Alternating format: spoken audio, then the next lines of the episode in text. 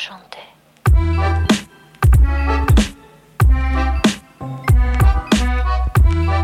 Varmt välkomna ska ni vara till Toto 5, onsdagen, den legendariska onsdagen eh, den 14 juni. Och varför är den legendarisk då? Jo, för att Peter Gerhardsson har tagit ut VM-truppen och Robin Bylund är så redo att såga alltihopa. Så att eh, jag sitter som på nålar här hemma efter en sms-konversation igår. Eh, som Ah. talade, talade sitt tydliga språk alltså. Ja, ja, men jag känner, mig, jag, jag känner mig lite smutsig samtidigt för jag gjorde, jag gjorde liksom eh, li, lilla jobbet på att kontrollera hur väl den stämde överens med dem. Ja, men den kombination av kanske föraningar och lite vad jag själv eh, trodde, tyckte förra veckan. Och eh, då var det väl, eh, det var två fel, de kan vi komma till lite senare. Och så var det väl en, jag bollar väl upp att Amanda Nildén kanske jag hade valt, Anna Sandberg var ett alternativ, det blev Anna Sandberg. Men men det är ju ändå så tydligt de här bara två felen, eller ett, två, tre fel man kanske hade som är eh, tecknet på så extremt tråkiga val, så defensiva val, så Ja, jag vet inte, så bortkastad jävla chans till att få in någon form av lite spets i det här laget. Visa på att du med ungdomlig entusiasm och dessutom då med fin form framgång kan slå dig in i en landslagstrupp. Istället så fick vi i stort sett en jävla kopia på samma jävla trupp som Gerhardsson har tagit ut till varenda mästerskap de senaste åren. Så det, nej, Men jag jag, skulle, ja. ja. Nu, nu vet jag inte om Japan har liksom Sveriges tyngd i eh, spelare. Eh, men jag såg att Maika Hamano var, Exakt. uttagen. Exakt. Och det, det var säkert en no-brainer för den eh, japanska förbundskaptenen. Men eh, det, det, det känns ju pikt, precis som att eh, Winberg hade känts pikt. Precis som att Rosa Kafaji, åtta mål, ass och så vidare i årets allsvenska. Framförallt, alltså målen absolut, men framförallt så har han ju vuxit ut till en av allsvenskans absolut bästa spelare. Och hon är fortfarande ung, men hon är inte så pass ung att hon inte har erfarenhet. Hon är inte så pass ung att det är liksom en valp vi tar med, hon har varit med i U23-landslaget. Ja men du vet, hon har levererat på högsta allsvensk nivå. Trots brembrottet så gjorde hon det ju faktiskt innan i AIK, eh, jävligt jävligt bra. Men, men, men man ser ju bara liksom en färdig spelare ute på planen när hon spelar med Häcken. Eh, och och det, det, detsamma gäller ju Winberg som Eh, nu, vad jag har hört erbjuds alltså topplön i Hammarby och jagas av storklubbar ute i, i Europa. Så hon sitter ju på liksom guldläge eh, sådär framåt och är, ju en spelare som liksom kommer vara given i, i landslaget många år framöver. Eh, och, och, och att man då väljer, för det är så jag känner, jag vet inte om du är med mig, men det känns som att Gerhardsson känner, ja men jag, det här är sista dansen. Han har lite ego i det här liksom. Jag ska ha mina spelare, för det, det här är sista dansen. Ja men det var det jag, jag fastnade lite, man, man fastnar ju alltid i, i, i diskussioner i, i den lilla plaskdamm som är, som är Twitter direkt man äh, tycker och tänker något. Och då, då var väl, vi, vissa använder ju de argument, alltså om vi, och, och, och om vi nu ska vara tydliga här beroende på hur insatta folk är som sitter och lyssnar så är väl kanske den stora diskussionen då att äh, Matilda Winberg som du säger, som ändå har varit med mycket i vår i landslaget och Rosa Kafaji som, som ställs åt sidan till förmån då framförallt, och det kan ju alltid diskuteras, men för en Sofia Jakobsson som vi har pratat om som har haft en ganska lång period av torka eh, borta i USA. Hon hade ju väldigt svag tid i Bayern München också innan hon lämnade Europa. Och sen då ehm, Lina Hurtig också som har Ja, gjort alltså ja, ja. 272 minuter på hela säsongen i ett Mm. eh, Arsenal. Och det var, det var i höstas hon spelade i stort sett. Men, men Jag ska i- säga det, bara som, eh, jag ska bara säga det innan eh, någon protesterar för mycket. Eh, jag läste Mia Eriksson igår, eh, som var pro, eh, ett par av spelarna. Eh, vet du vem Mia är? Absolut, absolut. Ja, man ska följa henne på Twitter, hon heter Mia underscore Eriksson, har ruskig koll på dambollen och ja, men, skriver hela tiden och jobbar stenhårt. Hon skriver, både Filippa Angeldal tog med henne också, men, eh, och Sofia Jakobsson har gjort det bra i sina respektive eh, klubblag och spelar regelbundet hela våren och det båda gott för Sverige i VM. Två spelare som verkligen kommer göra skillnad. Verkar inte som att så många har sett så mycket av till exempel NWSL och så vidare. Ja, och där, det kan man ju, alltså. Och självaste, vänta, vänta, här kommer just det, här kommer ju körsbäret på tårtan. Självaste Casey Stoney tror på henne. Då wow. tror jag fan att vi alla borde lita lite mer på Sofia också. Jag ville bara lägga in den så att eh, vi, vi har med det liksom, i diskussionen. Ja, jag, jag fick ju från, eh, fick från eh, en, en Robert på Twitter i, i diskussionen som, som också kollar den amerikanska ligan regelbundet och sa ju snarare det enda hon gör är springer offside och har precis noll tillslag på boll, en målsumpare av rang. De må leda ligan men det är absolut inte hennes förtjänst och de har mest flaxat till det längs vägen. Hon har alltså gjort fyra mål på 35 senaste matcherna, hon har spelat 35 matcher på två och ett halvt år. Uh, och det är alltså två mål hon har gjort nu under våren egentligen som är det som sticker ut lite. Annars är ju Sofia Jakobsson otroligt uddlös och vi har ju sett henne springa på den där jävla högerkanten i landslaget så jäkla länge också. Utan att ha en slut på det. Det är VM 2019 hon senast var bra. Och eh, jag tycker att om man tycker Alltså i landslaget, annat, hon var ju bra i Real Madrid. Ja, absolut, men i landslagssammanhang. 2021. Ja exakt. Så exakt. Det, ja, men det är ju ja, men, och det tycker jag, ja, men det, det, det, tycker jag, det tycker jag är viktigt att ta in i diskussionen här. Alltså att, att det, i, i landslagssammanhang så är det väldigt länge sedan, som du säger, det är många år sedan hon gjorde den där skillnaden. Alltså det, det, det, tycker jag, det tycker jag är en viktig poäng som du tar upp här. Att ja, okej, okay, hon kanske har gjort två mål, om man nu tycker det. Uh, och uh, att hon har varit okej okay i San Diego Wave. Men, uh, men det, det, i, i, landslaget så har det liksom inte funkat på det sättet vi spelar. Och jag hör ju vad Robert på Twitter skriver också, även om det ställs emot Mia. Jag, jag ska säga att jag inte, jag har inte sett San, San Diego Wave, men, men jag, jag, jag, tycker att jag kan ha en åsikt i alla fall av den samlade bild jag har ja, det... av Sofia Jakobssons senaste år. Jo, det var därför, om vi bara går tillbaka till där, där, där, där jag var tidigare, det här med att du var inne på att han kanske är lite, eller om vi ska säga egoistisk, eller att han vill liksom, han vill ha sin, sin sista dans med sitt gäng någonstans. Och för det är ju en helt annan diskussion, man kan ju verkligen diskutera, okej, okay, ska en förbundskaptens jobb bara att uh, liksom skapa resultat här och nu, eller ska man säga det större perspektivet att det kanske är bättre att ge Rosa Kafaji och Matilda Winberg en truppplats nu för att bli mer bekväma inför ett EM 2025 hos V. Det är ju en annan diskussion, där kan jag ju lite köra, alltså Gerhardsson trots att han är ju förbundskapten, hans jävla jobb bedöms på att han skaffar resultat här och nu. Inte jag håller en, helt med en, dig. Inte på att en annan förbundskapten gör resultat om två år för att han Nej. gav Rosa Kafaji chansen att vara i trupp gruppen. Så det tycker jag är en felaktig argumentation. Men jag argumenterar ju för den här saken för att jag tycker att de här spelarna är bättre här och nu. Inte för att vara med, se och lära. Vi hade en ja men en Theo Walcott är väl det, det klassiska go-to-exemplet, det var 2006 när han var med som 16-åring eller någonting för att man visste att han skulle bli the next big thing jättelångt fram kanske. Men alltså här pratar vi, som du också var inne på, alltså Rosa Cavaggi är ju etablerad, hon har hon gjorde det bra i AIK innan benbrottet, hon visar mental och eh, men uppenbarligen fysisk jävla styrka i att ta sig tillbaka på sättet hon gör och under Kom tillbaka den här bättre. Ja, och, och, och framförallt, alltså titta på mål. Nu hade vi en, uh, alltså en omgång här igen, visserligen mot, mot ett BP, men ändå där, där Häcken gör sex och hon gör, gör två helt fantastiska mål igen och liksom dunkar upp en boll i nättaget från ingenstans som man bara suger upp. Och det, vi har inte den typen av spel. Vi har pratat ganska mycket om att även spelare som, som vi har stora förväntningar, en Rytting Kaneryd, en, ja, men en Hanna Bennison som man har hoppats på ska växla, de har ju inte växlat, de har inte gjort de här säsongerna. Alltså, var har vi vår X-Files, alltså, var har vi spelarna som ska göra det oväntade i låsta lägen? Och med de här valen vi gör med Line Hurtig och Svea Jakobsson, ja, då får vi ytterligare spelare som, som inte kommer att göra det och inte har visat att de har det i sig. Alltså, Rosa Cavaggio har lika många mål de senaste två, tre veckorna som Sofia Jakobsson har de senaste två, tre åren. Det, nej, jag tycker det, det är märkligt och jag vet inte riktigt vilken typ av match, om vi bara tittar gruppspel, vi tittar en eventuell åttondel mot USA eller Nederländerna troligtvis. Jag vet inte när det är Sofia Jakobssons gnugg längs högerkanten kommer att vara viktigt för oss. Och, eh, och, samma gäller ju lite Hurtig tycker jag också. Alltså du, du sa 272 minuter, eller hur? Pratar vi landslagssammanhang, då tänker jag att Gerhardsson vill ha in en boxspelare. Alltså en spelare som man kan forcera med, eh, som är stark i luften.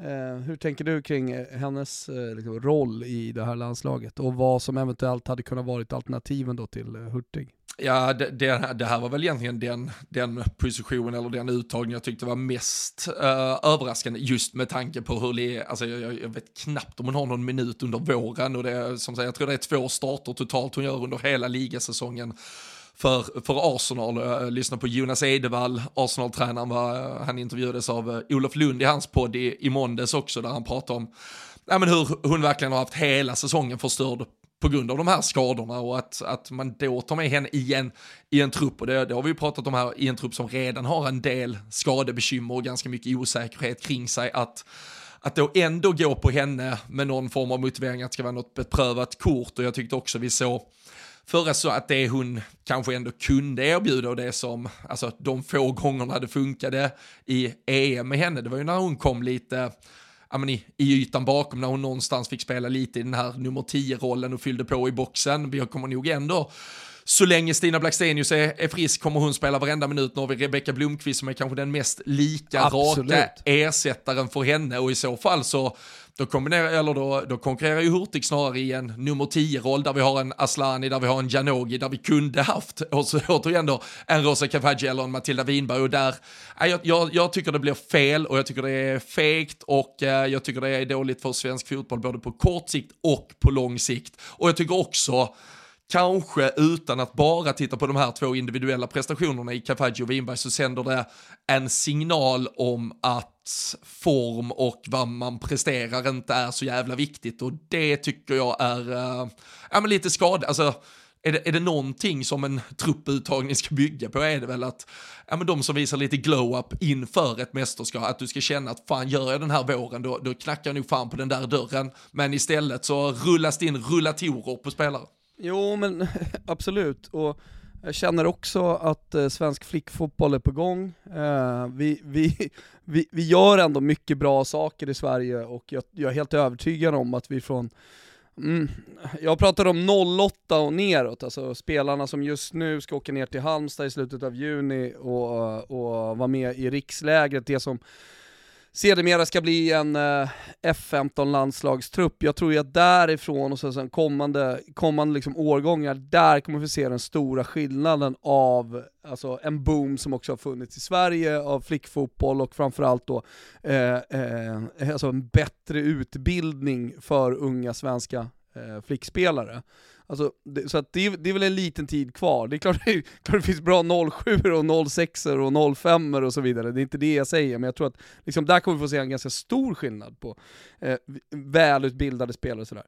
Men, eh, ta det hela vägen upp då till 03, alltså, så tycker jag också att det är liksom spel, spelare, Rosa Kafaji är som, som världsspelare på sikt, som, som erbjuder någonting som vi inte riktigt heller har i truppen. Alltså det man, kanske bäst kan se i Kosovare Asllani, alltså en eh, fantasista, en spelare som, eh, som dribblar och har, har en eh, genialitet men som också kan, kan avsluta och kan gå igenom brott. Alltså den moderna fotbollsspelaren som vi pratar på, om på här, lite grann. Alltså, och där kommer ju Rosa Kafaji in och är, ja men, hon, hon är ju verkligen kanske den största talangen vi har sett Eh, i svensk fotboll på väldigt länge.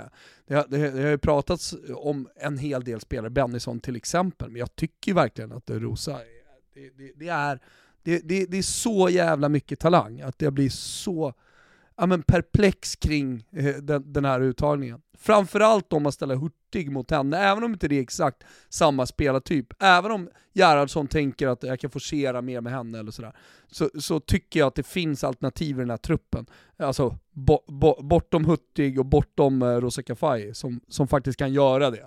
Eh, och ja, men totalt sett så, så blir det, ja, det, blir, det blir konstigt. Och du pratade om signalerna, jag vill landa i det också har vi alltså tre spelare som är eh, under 26 år i den här truppen totalt, ja, men då är det ju då är det som att Gerhardsson skickar ut eh, en, en tydlig signal till hela eh, det svenska fotbollssystemet att tyvärr, vi, vi fostrar inte tillräckligt bra spelare. Så att alltså de spelarna liksom som började spela A-lagsfotboll när de var 13-14 för det inte fanns Eh, någonting annat, som fick spela med pojkar för att det inte fanns eh, något annat fram till de var 15 år, typ liksom. Eh, ja, men det, det, det, det är de som fortfarande ska vara landslaget. Samtidigt då, man kollar på Spanien, man kollar på England och du kollar på Frankrike och så vidare och så vidare så är det ju liksom, ja men det, det, det är årskullar i, liksom hela vägen som är, som är bra och som man tar med spelare från. Ja, och, det, och det, framförallt att det händer ju saker, alltså, jag, jag tittar bara på jag var tvungen att gå tillbaka till lite startelvor. Alltså det, det är ganska stor sanning. Nu har vi Hanna Glas långtidsskadad. Hon, eh, hon gick ju själv ut eh, inför uh, trupputtagningen och med att hon, hon är liksom inte fit for fight, så hon var ju inte uttagningsbar. Och en, en Hedvig Lindahl som vi vet, ja men historien kring med att uh, sluta i landslaget, eventuellt öppna dörren, sen skadeproblematik och till slut så landar hon och Gerhardsson också i ett. Det aldrig var aktuellt, men, men annars tittar vi, annars är det mycket möjligt att alltså, vi startar typ exakt samma lag och har mer eller mindre samma trupp, det slår på typ 3-4 spelare som, som vi hade förra sommaren när vi gör ja, men ett riktigt bottennapp i det EM-slutspelet. Framförallt åker vi ut med, med buller och brak mot ett England som är fullständigt överlägsna. Vi hade inte I chans. Nej, men I det där engelska landslaget som var så bra, som sen går hela vägen och vinner uh, finalen på Wembley, där har det liksom hänt mer. Alltså där har du skakat till det lite. Där har du plötsligt ändå öppnat dörr till yngre förmågor som kommer underifrån. Där finns det ändå möjligheter att slå sig in och det pratar vi, då pratar vi ett lag som för ett år sedan var redan bäst i världen. Där finns det möjlighet att förändra. Men i detta Sverige som som, som liksom var extremt svaga den där sommaren, där så många underpresterade, där ges nu mer eller mindre allihopa chansen igen. Och äh, jag, ja, jag, jag, känner, jag, jag blir känner inte klok jag på, känna, på det. Ja, men jag, och jag kan känna en viss hopplöshet i det. Alltså för det senaste liksom, stora minnet man har från det, det svenska landslaget, det är ju när vi ryker och inte har en jävla chans mot England. Och så tänker jag på det här mästerskapet, Ja, och så har jag vad du säger, ja men det är typ mer eller mindre samma eh, startelva, det är typ mer eller mindre samma eh, alternativ som vi har på bänken. Om man är tränare i det här läget, känner man inte då att så här, ah, här måste, jag måste ha in någonting annat? Jag känner, jag, jag, jag som ungdomstränare känner ju så då, att vad fan, här, om, om det där har inte funkat, och jag menar, det här är ju vuxna spelare, det är inte så att det liksom sker en jävla utveckling på ett år. Det är ingen som har liksom vuxit tre centimeter och börjat få lite benmuskler. Utan det, det här är, visst, någon har glow-up, men någon har också, Caroline Seger har också glow-down. Eh, höll jag på att säga. Hon, det, hon, hon, har varit skadad i, i, i, ett år, mer eller mindre. Uh, Hurtig har inte spelat ett skit, hon spelade mer i Juventus inför det mästerskapet.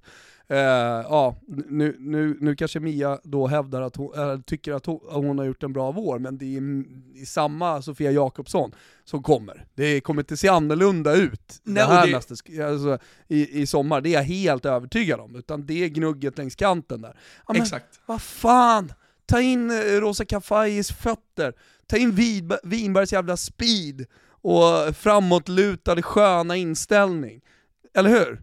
Nej, men alltså, det är alltså, Janogy då som, som, som man känner att ja ah, men wow, det, det, det, kan bli bra. Ja men Janogy är ju, hon är typ skillnaden från förra, alltså förra sommarens ja. trupp. Uh, det, det, det, är liksom, det är den spetsen vi valde att plocka med. Det är samma sak som att ja men uh, Rytting Kaneryd blev petad till OS, uh, hon kom med till EM. Det är, liksom, så det, det är typ en öppen truppplats per mästerskap som verkar finnas. Alltså vi, mot, mot England, jag bara nu fastnar i det, vi ska inte bli, bli, bli för, men då, då startar vi med Sofia Jakobsson till exempel. Uh, bytena in, det, det är Caroline Seger, Johanna Rytting Kaneryd, Hanna Bennison och Hurtig. Det är antagligen samma fyra vi kommer slänga in i åttondelsfinalen mot USA och sen ryka med 3-0 liksom. Det, jag säger inte att, nej men jag säger inte att de här två, tre spelarna till höger och vänster hade gjort hela skillnaden, men, men återigen, det landar någonstans i de här signalvärdena som jag tycker är märkliga. Och jag tycker också, att det finns så mycket bättre spår och jag blir också lite förundrad kring hur Peter Gerhardsson exakt vill spela i det här laget. Vi har pratat om hur otroligt bra Fridolina Rolfö har hittat en roll i Barcelona. Jag tycker fortfarande han sliter med att hitta hennes roll Kan du beskriva här. den rollen lite för de som inte har koll? Nej men där spelar hon ju, alltså, hon står ju uppställd i, i, i någon form av eh, 4-3-3 uppställning, står hon ju uppställd som mitt, eh, eller vänsterbacken i, i den uppställningen, men hon är ju framme och det såg vi ju senast i Champions League-finalen och avslutar anfall inne i boxen för att hon kommer så brett och så högt på den där vänsterkanten och får egentligen den för sig själv. I, eh, i Sverige så är ju Gerhardsson däremot väldigt tydlig med att det är ju John Andersson som någonstans, eller den som blir vänsterback, men det ser väl verkligen ut att bli Jonna, som ska äga den kanten och vara lite framåtlutad och så ska Rolfö in i, in i mitten istället. Och det gör också att man då trycker alla andra li, lite till höger. Och jag, jag, jag, tycker inte han har fått rätt på det där. Och uh, jag tycker återigen då truppet, för jag tycker dessutom att vi har en Olivia Skog som har visat här under den här eh, ja, men våren att, att hon är så jäkla bra där, där ute till vänster. Och hon blir ofta också överflyttad till en högkant där hon inte alls har samma spel spetsegenskaper uh, heller. Så Hennes det... spets som, som verkligen sticker ut, och även i ett VM -pers globalt perspektiv, i, i ett världstoppsperspektiv, eh, vika in och skjuta med högen. Alltså där är hon ju otrolig. Ja men och det är ju därför jag med, där jag hade ju gärna sett att man, man faktiskt hade gjort plats till henne då snarare framför en rollför, om det är i en 3-4-3 eh, och att man ger rollför istället chansen att äga den kanten till exempel, eller hur man vill hur man vill, vill se på det. För, för jag tycker också att hon, och det där känns också som en spelare som han har en för, alltså nu har hon gjort en helt briljant vår. Ska vi spå hennes EM så är det två inhopp, ah, 17 minuter kanske, alltså det, det är väldigt förut allt känns väldigt förutbestämt och förutplanerat och eh, han kan eh, påstå att han har legat eh, sömnlös och han har legat och vridit och väntat. När han landar i den här truppen, då har det inte varit många jävla timmar han har haft svårt att sova kan jag säga, för den här truppen har han haft sen oktober i stort sett i, eh, i sina tankar tror jag. Okej, okay, 20 minuter, uh, lite kritik. lite kritik. Uh, men, men jag tänker om vi, om vi går igenom den här truppen uh, bakifrån och framåt. vi har ju trots allt en hel del styrkor också i det här laget. om vi tar lagdel för lagdel, Um, jag tänker att du, du, du skulle kunna vara rätt bra på det även om det är på uppstuds här Robin. Uh, om, om, du, om du ser oss som ett topp 8-lag i det här mästerskapet, ungefär. Topp 10-lag i alla fall. Uh, ja, ja, där någonstans. Ja, vid, vid, ja. åtta så var jag tvungen att uh, tänka till ordentligt, men ja, uh, tio så, så, så, så börjar, jag, börjar jag vara med. Börjar jag vara med. ja men otroligt. om du då kan eh, värdera spelarna. Eh, tänk att du skulle göra en eh, Expressen-guide här och sätta getingar lite grann. Fast per lagdel, så behöver vi liksom inte gå igenom spelare för spelare, det blir, det blir tradigt. Men eh, om vi börjar med målvakterna, var, var, var, var tycker du vi, vi, står där? Är det runt tre eller? Ja, ja men där någonstans. Jag, jag hade också någon som frågade, för, för det, vi kan väl bara ta det. Det, var, det blev som, som jag också trodde förra veckan, Jennifer Falk, Cecilia Musovic och Tove Enblom. Uh, och uh, det var, det var någon som frågade hur, eh, med, hur står vi oss på målvaktsfronten med, med Jennifer Falk och Cecilia Musovic? Och där har ju, jag läste Cecira var väl ute här bara för någon dag sedan också, ja, men lite det där lyfte den här diskussionen som har varit kring att ingen av dem fortfarande är uttalad detta och ifall det är så jävla bra eller ja, var, var, var exakt det är. Och nu nu har ju såklart alla Hedvig Lindahls senaste mästerskap i minne och det, det var ju sannoliken ingen klang och jubelföreställning där, men vi ska ju veta att eh, hon har ju varit en otrolig mästerskapsmålvakt för Sverige tidigare. Det ska vi verkligen understryka oavsett vad vi kan tycka och tänka kring, kring saker som sker 2023 och kring Hedvig Lindahl. Men vi är inte lika starka som vi har varit när vi har varit som bäst på målvaktssidan. Jennifer Falk och Cecilia Musovic är två, ja men som du säger, de är, de är nog två treor båda två, men det är svårt att se vem, alltså det krävs att en av dem nog får förtroendet och sen står på huvudet för att vi ska ha en riktigt stark målvaktsinsats. Annars är det, där är många landslag som har en klart bättre etta, uttalad etta. Uh, eh, det här är ingen som just nu är världsklass i alla fall. Inte världsklass, men helt okej. Okay. Bra. Så. Ungefär så kan vi väl summera det. Jag kan vi inte säga att det är bra? men då vill jag att han väljer en, jag vill att han säger nej men det är Jennifer Falk som är min etta och så vill jag se henne briljera i första matchen och sen vill jag känna att nej, men det, det, här bygger vi på, då kan det bli jävligt bra. Men ska de göra vars en av de första två gruppspelsmatcherna, sen ska det tas något jävla beslut. Ja men och det, det verkar ju, läser man lite Då är vi ju i breddfotbollen igen. Ja men det verkar ju, alltså läser man lite, ja, lite både det han verkligen säger rakt ut men även mellan raderna så, så verkar det ju vara där någonstans han ska vara, att han ska anpassa målvakt efter motstånd och skit. Jag vet alltså vad fan ska du fundera kring målvakt om du möter Sydafrika eller Argentina? Alltså nej, jag, jag köper inte riktigt hans hantering av målvaktsfrågan.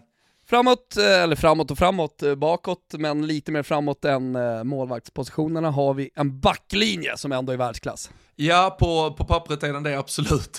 och det, nu, nu, nu får vi väl se. Ja, men nu, nu, nu har Magdalena Eriksson också, nu har hon fått sin, sitt avslut i, i Chelsea, hon har fått sin flytt till Bayern München och eh, jag, jag tyckte jag kritiserade henne lite senaste landslagssamlingen, tyckte jag att vi, vi lämnade lite ytor där om man säger mellan ja, men vänster mittback, vänster ytterback eh, eller, eller om det är den där trean med en eh, wingback framför att vi inte, vi inte riktigt fick till det. Men, men som sagt, alltså, tittar vi på de fyra mittbackarna som finns i den här truppen, Nathalie Björn, Amanda Ilestedt, Magdalena Eriksson, Linda Sembrant, eh, trots ålder på Sempan så, så vet vi vilken kvalitet som finns. Så är det så är det fyra riktigt, riktigt bra mittbacksalternativ. Sen äh, ser det ut som att äh, Hanna Lundqvist äh, får, äh, eller Atletico Madrid-spelaren där, får, får ensamt härja på högerbacken. Sen vet vi att Nathalie Björn kan tryckas ut där. Vi vet att Elin Rubensson till och med kan vikariera där. Och sen så är det ju som sagt Jonna Andersson och att det då blev Anna Sandberg från, från Häcken på vänsterbacken. Och det är, Anna Sandberg är ju liksom, där, där får vi ju in den här om säger, ungdomliga entusiasmen om än att det då är längre ner i, i banan och troligtvis verkligen bara som en, uh, men, ett, ett alternativ för Jonna. Men uh, backlinjen... Hade det, det tufft klart. mot Janogy va? Ja, ja men precis, precis. Uh, och uh, samtidigt så har vi ju pratat om Häckens backlinje, de, de har släppt in, vad fan är det, tre mål bara på hela säsongen i damallsvenskan.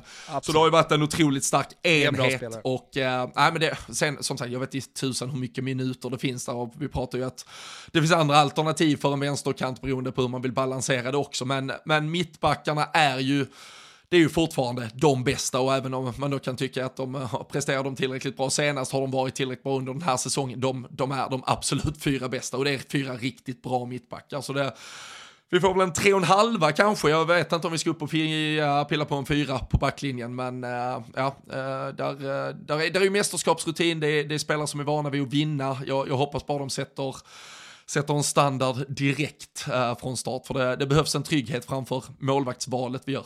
Och sen har vi ett mittfält då, som eh, vi kan börja med att kika på, tänker jag, hur vi formerar och sen kolla på eh, vilka eventuella alternativen skulle kunna vara in play. Ja, men jag skulle väl tro, alltså, är, alla, är alla friska och krya så, så tror jag att uh, Gerhardssons uh, målsättning är att starta det det är, ja, men det är tre man i mittfält han har använt så många gånger förr och det är ju Filippa Angeldal tillsammans med Caroline Seger i, i någon form av lite mer sittande roll och eh, Kosovare Asllani framför. Um, tittar man på alternativen så är det väl Framförallt då Elin Rubensson till det där uh, mer sittande mittfältet. Vi eh, såg, går vi tillbaka återigen då till, till EM senast så använde han ju Nathalie Björn väldigt mycket där också, lite framtvingat på grund av skador, och sjukdomar, allt skit som omgärdade det mästerskapet. Och sen så är det väl då uh, Madde och uh, Hanna Bennison som är alternativen till ja, men, Kosovare Aslani framförallt och Bennison såklart kan vara mer flexibel i andra mittfältslösningar. Men Angeldal, Seger och Kosse uh, på det där mittfältet. Och det är ju samma sak där. Är Caroline Seger helt fit for fight, 100% redo trots sin ålder? Så är hon Sveriges, eller en av de absolut bästa och framförallt kanske viktigaste spelarna och rösterna där ute. Det vet vi ju verkligen från när man sitter och tittar på dem live, hur hon styr och ställer det där laget. Så då är det också ett jättebra mittfält, men samma där, Kosse, mycket skadeproblematik hela säsongen. Seger kommer vara någon form av kamp mot klocka för att verkligen vara 100% och startar vi istället med ja men Filippa Angeldal, Elin Rubensson och Hanna Bennison, ja men då, då går det ju från 4 plus till 2 plus på det där mittfältet. 4 plus till 2 plus. Uh, anfallet, uh, där har vi Stina Blackstenius uh, och jag menar hon spelar inte topplag i Premier League, hon är med och ja, men gör det riktigt bra under den här våren i, i Champions League och i ligan. Tycker jag också har vuxit under sin tid i, i, i Arsenal som är den tydliga referenspunkten framåt. så att vi, vi alltså, ser ändå bra tycker jag på anfallssidan. Ja men Rolf, verkligen.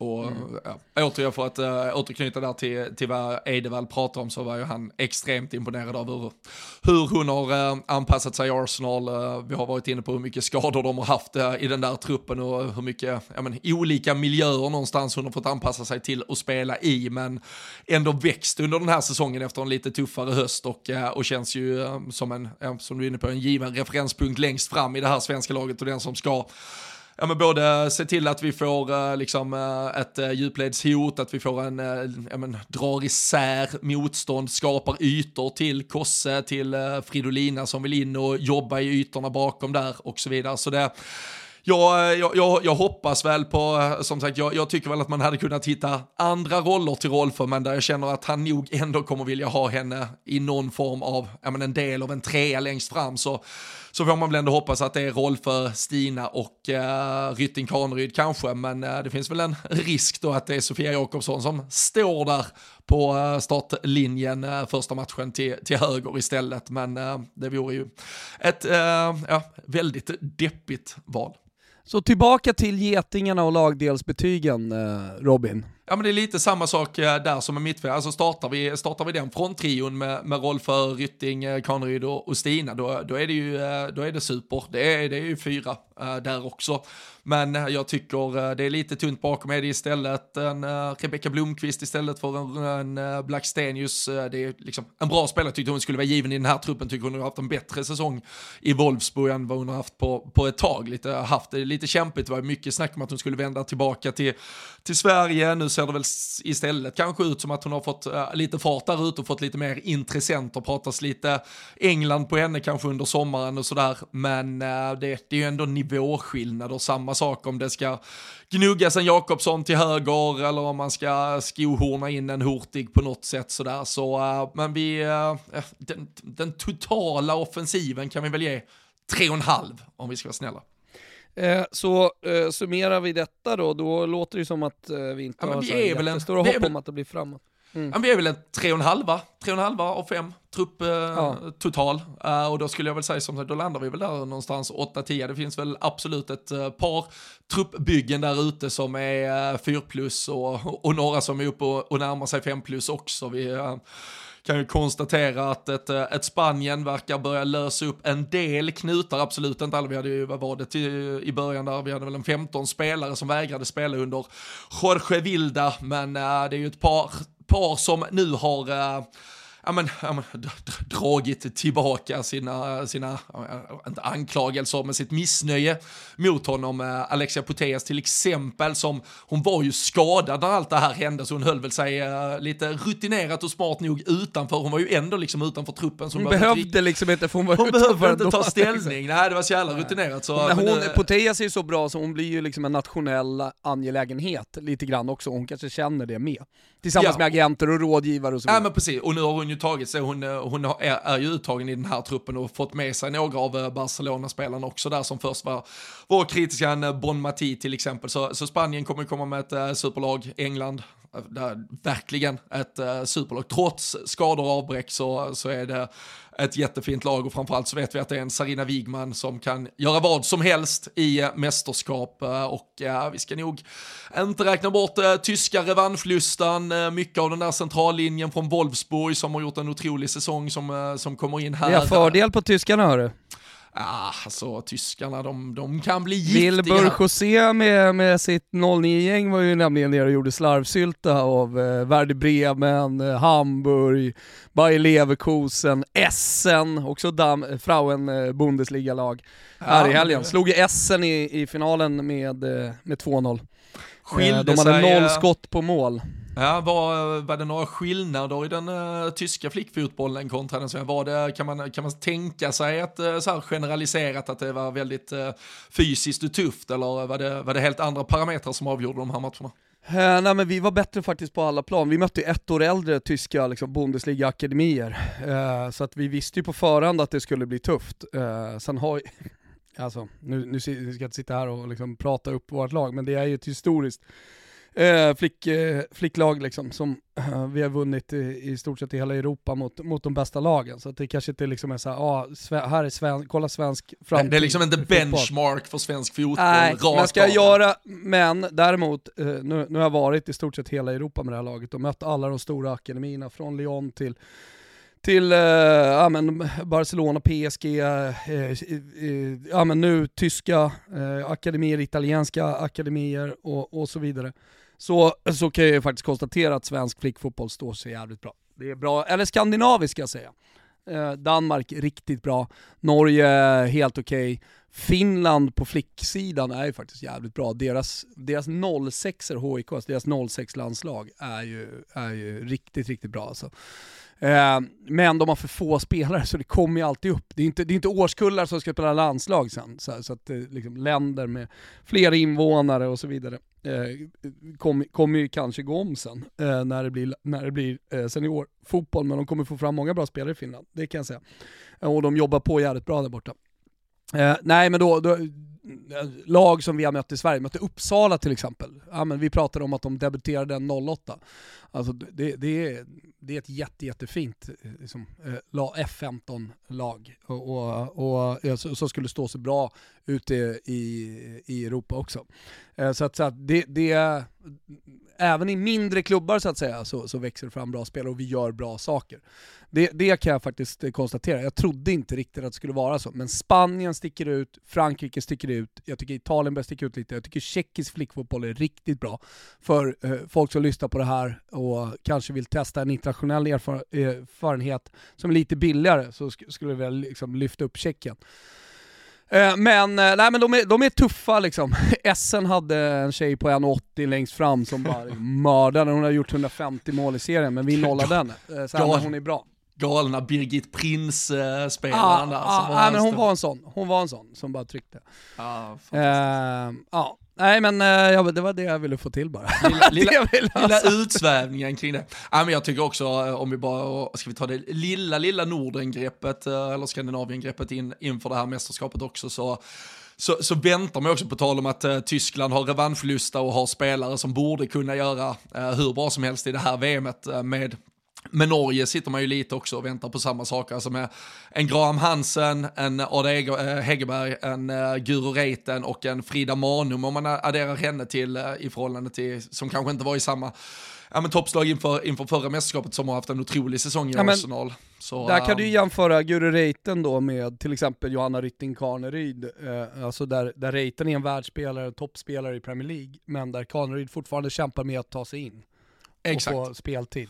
Ja, och, eh, ska vi jämföra Graham Hansen med Sofia Jakobsson på högerkanten också så pratar vi lite nivåskillnad ja. också. Så det, ja. Ja, men det, sen, sen som sagt, vi, vi har ju alltid, och det är, liksom, det är, det är ju världens tråkigaste, om det nu ska vara en USP, men det är ju just kollektivet, lagbygget, strukturerna, vi kommer inte ha den där uh, givna världsstjärnan. Sen, uh, sen som sagt så hade man ju så jävla gärna velat se det här laget med den lilla extra kryddan. Sen, sen ska vi veta att Fridolina Rolfö är på en ännu högre hylla det här mästerskapet mm. än hon var förra, men återigen ja. så landar mycket på Gerhardssons bord där att se till att hon får ut får den maximalt. potentialen. Ja. Absolut, för får mm. hon ut lika lite som förra sommaren, ja då behöver hon ju knappt spela, då är det kanske lite lika bra att spela någon annan som bara kan ja, men infinna sig i sin jävla rollbeskrivning och göra, göra gnugget i, i de, de olika delarna av spelet. Men äh, hon måste släppas loss på ett mycket bättre sätt. Så när vi nu summerar detta så är det alltså med två ord, avgå Gerhardsson. ja, ja, ja, ja, men det är lika bra. Gör det innan mästerskapet och så gör vi om allting. Nej.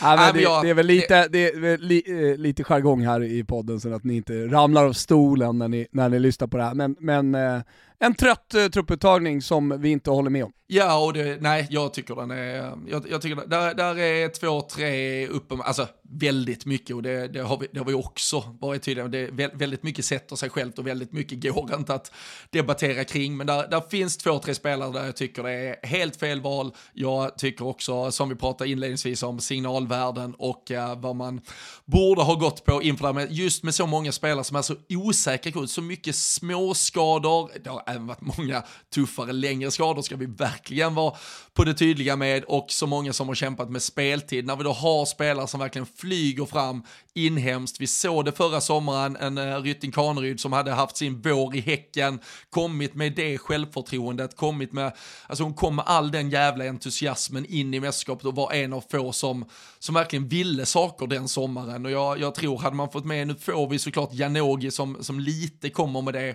men en eller två spelare till där med Winberg och Kafaji som, som hade haft den där jävla ja, men känslan av att jag är bäst när jag kliver ut på en plan. Sen, sen är det klart de inte hade varit bäst på en plan när de kliver ut mot USA, men de har i alla fall den känslan för det har, det har de varit hela den här våren. Här är så många andra spelare i den här truppen som inte riktigt vet var de själva står och eh, det hade jag gärna undvikit. Ja, nej men eh, ni hör ju, det är, det är där vi står. Hur ser eh, resan framåt eh, ut nu? Det är allsvensk fotboll eh, hela vägen fram till eh, i början av juli och sen ja, samlas precis. Eh, det svenska landslaget. Ja det är ju, vad fan hade vi, till 8-9 juli eller något sånt och så är det ju VM-premiär 20 så det, det var ju den här minimitiden på 10 dagar, där kan man ju också säga att där, där gör ju, nu har vi ju inte supermånga, vi landade totalt i sju eller åtta spelare kanske som kommer från, från damallsvenskan, men jag såg England hade ju såklart löst någon lösning så de kunde ju typ samla sin, sin landslagstrupp nu och sen